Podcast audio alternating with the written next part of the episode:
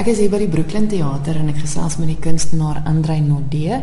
Andrei, jy gee eintlik nog jou hele lewe lank klas. Van jy klaar geswat het.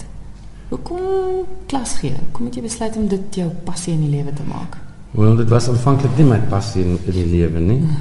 En dit was bloot die feit dat ek 'n onderwysbeurs kon kry. Uh -huh.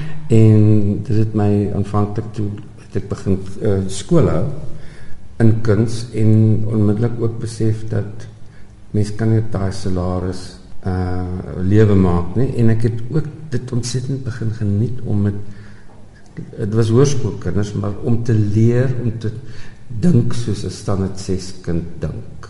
Jy weet dit is 'n ander storie want want jy dit jy, jy kan nie net vir die vir daai kind basiese inligting gee nie. Dit gaan oor hul koppe. Mm. so jy moet jy moet jy moet in daai kind se siel inklim. En dit het ek gebruik tot by die varsity klas gegee en ek gebruik dit nog steeds nou met middeljarige vrouens wat by my kom by op Dinsdagoggend. So jy identifiseer die persoonlikheid en dan voer jy die inligting daarvolgens. Maar nommer 1 is nog steeds dat ek self skilder. Ja, dit is dit is my absolute groot passie. Ja. Maar ek is lief om te deel, om die kennis te deel en te sien hoe jy iemand kan amper die magiese in daai persoon kan ontdek en dit dan bevestig. Kan jy dadelik na iemand se werk kyk en potensiaal raak sien? Ja. Jy kan baie keer na mense werk kyk en geen potensiaal raak sien nie. Wat maak jy dan? Dan moet jy baie dan moet jy dit stadig vat. Dan moet jy nie jy kan dit nie jy kan dit nie onmiddellik net kritiseer nie. Jy weet jy sal 'n paar goeie punte uitlig en sê miskien moet ons hier na toe kyk of dit kyk of gaan lees hierdie boeke op wat ek het in my galery in my huis se ateljee het ek ook baie boeke. So dan sal ek sê jou werk dat met bietjie dink aan so en so kom ons kyk bietjie na dit wat kan mens so jy met die jy met daai persoon se oog leer om te kyk en nie uh uh, uh literaal te werk nie of letterlik te werk nie. Jy weet met baie mense het die idee dat kuns is is dis net emosie en passie. En jy om daai emosie en passie by dit uit te kom, het jy baie tegniese kennis eintlik op nodig. So, dan vat jy dit maar stadig en hoop maar vir die beste, maar ek het nog nooit iemand uh gesê nee, jy dit is nie die goeie deel dat jy kom pyn nie. Mm. Jy weet, so jy jy jy is net geduldig en daar gebeur wonderwerke. Aan die aard van die saak kan jy nie noodwendig van almal se werk hou nie. Want dis tog waaroor nee. kuns gaan. Jy ja. jy het tog voorkeur. Is dit ja. moeilik om om iemand van wie se stel jy nou nie noodwendig baie hou nie om so 'n persoon te leer? Want wil mens nie tog maar altyd bietjie jou stempel afdruk nie? Wees nie. Weet jy, ek het oor die jare geleer dat jy moet op jy ek is baie objektief. Goed. Jy weet, ek sal spontaan as iemand as ek nou in die klas deurloop in die oggend of wat ook al en ek sien hier net iets wonderlik gebeur, dan kan ek my nie keer nie. Gaan ek spontaan reageer en sê ja. dit lyk fantasties. Jy daai kleur is mooi of so. Maar jy leer om met waarsiteit ook. Ek het geleer dat as iemand realisties skilder, gaan jy daai persoon aanmoedig in daai rigting. So jy jy jy is altyd meer net 'n fasiliteerder. Jy's nie jy kan nie dogmaties wees nie. So jy jy jy hou jy hou 'n bietjie terug in daai opsig. Maar maar maar mens trek ook sekere kliënte aan. Jy weet, net so sekere mense jou werk graag koop, so sal jy ook sekere studente of uh sondagkunstenaars kry wat met jou werk identifiseer en dan na jou toe kom vir vir vir meer ondervinding en sulke goed. Kom ons gesels nou 'n bietjie oor jou werk. Wat is jou styl as jy die luisteraars moet verduidelik? Hmm. Trek hy nou sy oë hier vir my. Styl is 'n lang stylbult. Want uh kyk ek dink my werk was aanvanklik redelik ekspresionisties geweest en ehm um, ek het ook maar geleer by ander kunstenaars te kyk. Jy weet ek kyk nou na daai werk daar byvoorbeeld met die van Hanni en ehm uh, dit dit dit dis wat dis nie wat weet jy wat ek daarna kyk nie. Ek kyk na die massa kleur en die lyn struktuur wat daar gebeur. Weet dis met my meer aan sou aantrek miskien as 'n ander werk. Ek dink my werk het deur 'n stadium gegaan in die 80 jare 70 jare was dit baie baie recluse geweest. Ek het the outsider van Camus gelees en alles. Seker mense daar so 'n bietjie nog binne in jou kop gesoek vir goed. So ek het baie figure gedoen wat met Leroux die see inloop op 'n manier. So dit was baie gestroop. Mm en ek sê sê die 80e jare het dit so gebeur dat ek baie in Durban uitgestal het by 'n kommersiële galery. En Durban het op daai stadium 'n wonderlike ehm uh, lewendigheid omtrent hom gehad en ek het verlief geraak op daai palmbome en uh die die luksheid van die lewe daarso. So ek het uh, my temas was was ten spyte van die politieke situasie wat so uh aklig was, het ek baie sterk die ontvlugtingsgeskilders soos 'n uh uh die Royal Britannia wat seil met 'n klomp vrouens op met lang oorbelle en tiaras en baie make-up, alles in wit en swart.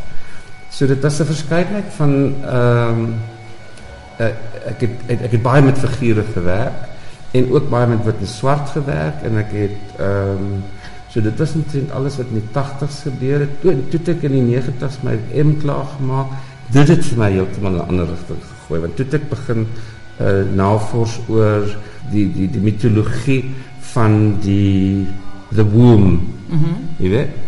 En en dit is eintlik mos 'n maar eintlik 'n fas. Dis eintlik maar die Grieke daarop verwys as 'n as die fallopian tubes, ek weet nie wat in Afrikaans is nie. En dit het my so geïnspireer dat ek net met met inhoudelik met fase en containers gewerk het. En die hele mitologie daarvan en uh die manlike mitologie, jy weet van die skip of die water, die vrou is die water, al die simbole. Ja. En maar ek het nog ander skilder, skilder, skilder en ek het ook baie die werk het baie kompleks geraak. Ek het gekyk na uh die kontemporêre Britse skilders.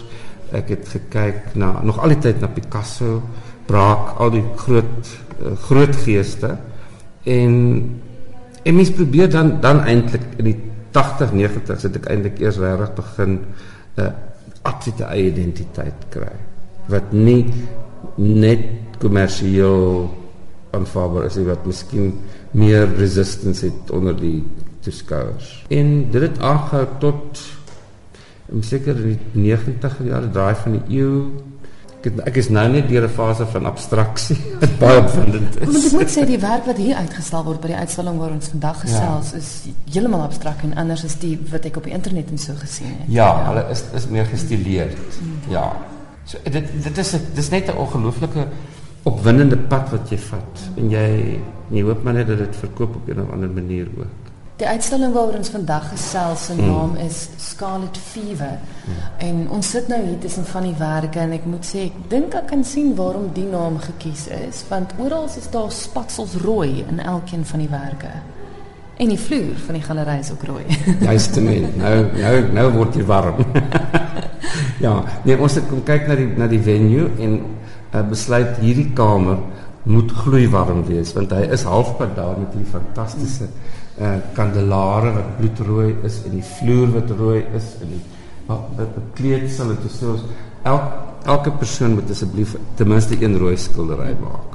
En ek weet vir jou sê die aand lyk dit fantasties. Dit lyk soos 'n barok bordeel as jy so instap in die en en jy weet dis ook kyk die die, die uitstalruimtes hier is mos eintlik sulke klein spasies, jy weet. So is daai intimiteit wat ook geskep word. En dit is hoekom ons hierdie rooi paintings gemaak het.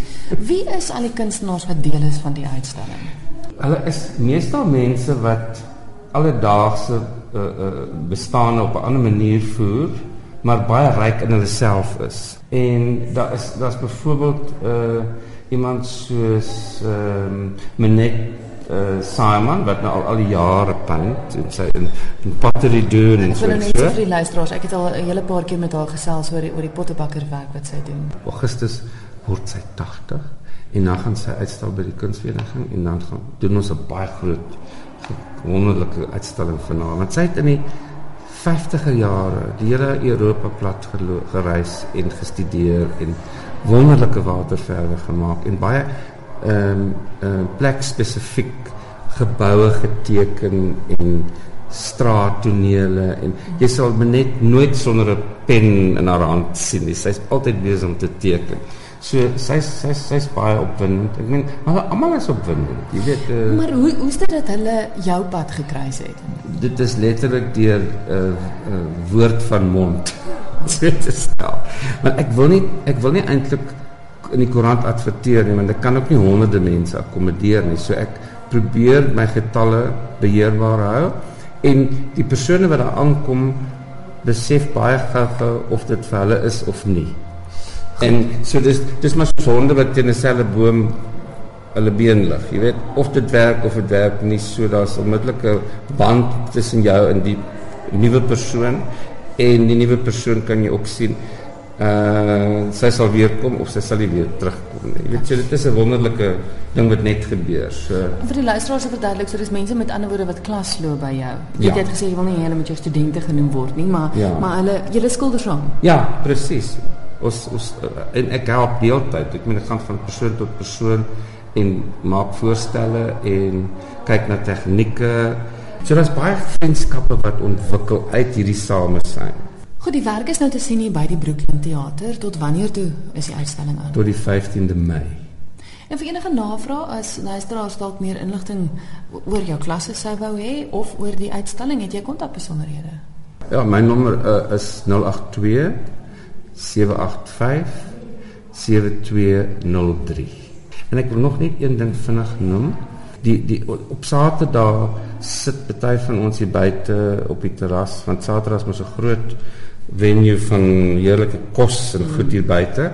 En so die hierdie hierdie teater is so betrokke met sy omgewing dat dit alle alle aspekte eintlik aanspreek. So ons skilder hier buitekant en jy jy sien altyd mense wat in die galery inkom of na die konsert kom kyk. Daar's 'n halfuur gratis konsert. En uh, ons is ook almal baie begeesterd met hierdie cool capital wat nou van stapel gestuur is. So dit is iets wat die land ook asseblief moet van weet. So op Saterdagoggend kan jy kom teater kyk, jy kan kom kuns kyk en jy kan kom lekker eet. Presies. Verduidelik ja. gou vir die luisteraars wat dalk nie weet nie presies waar is dit?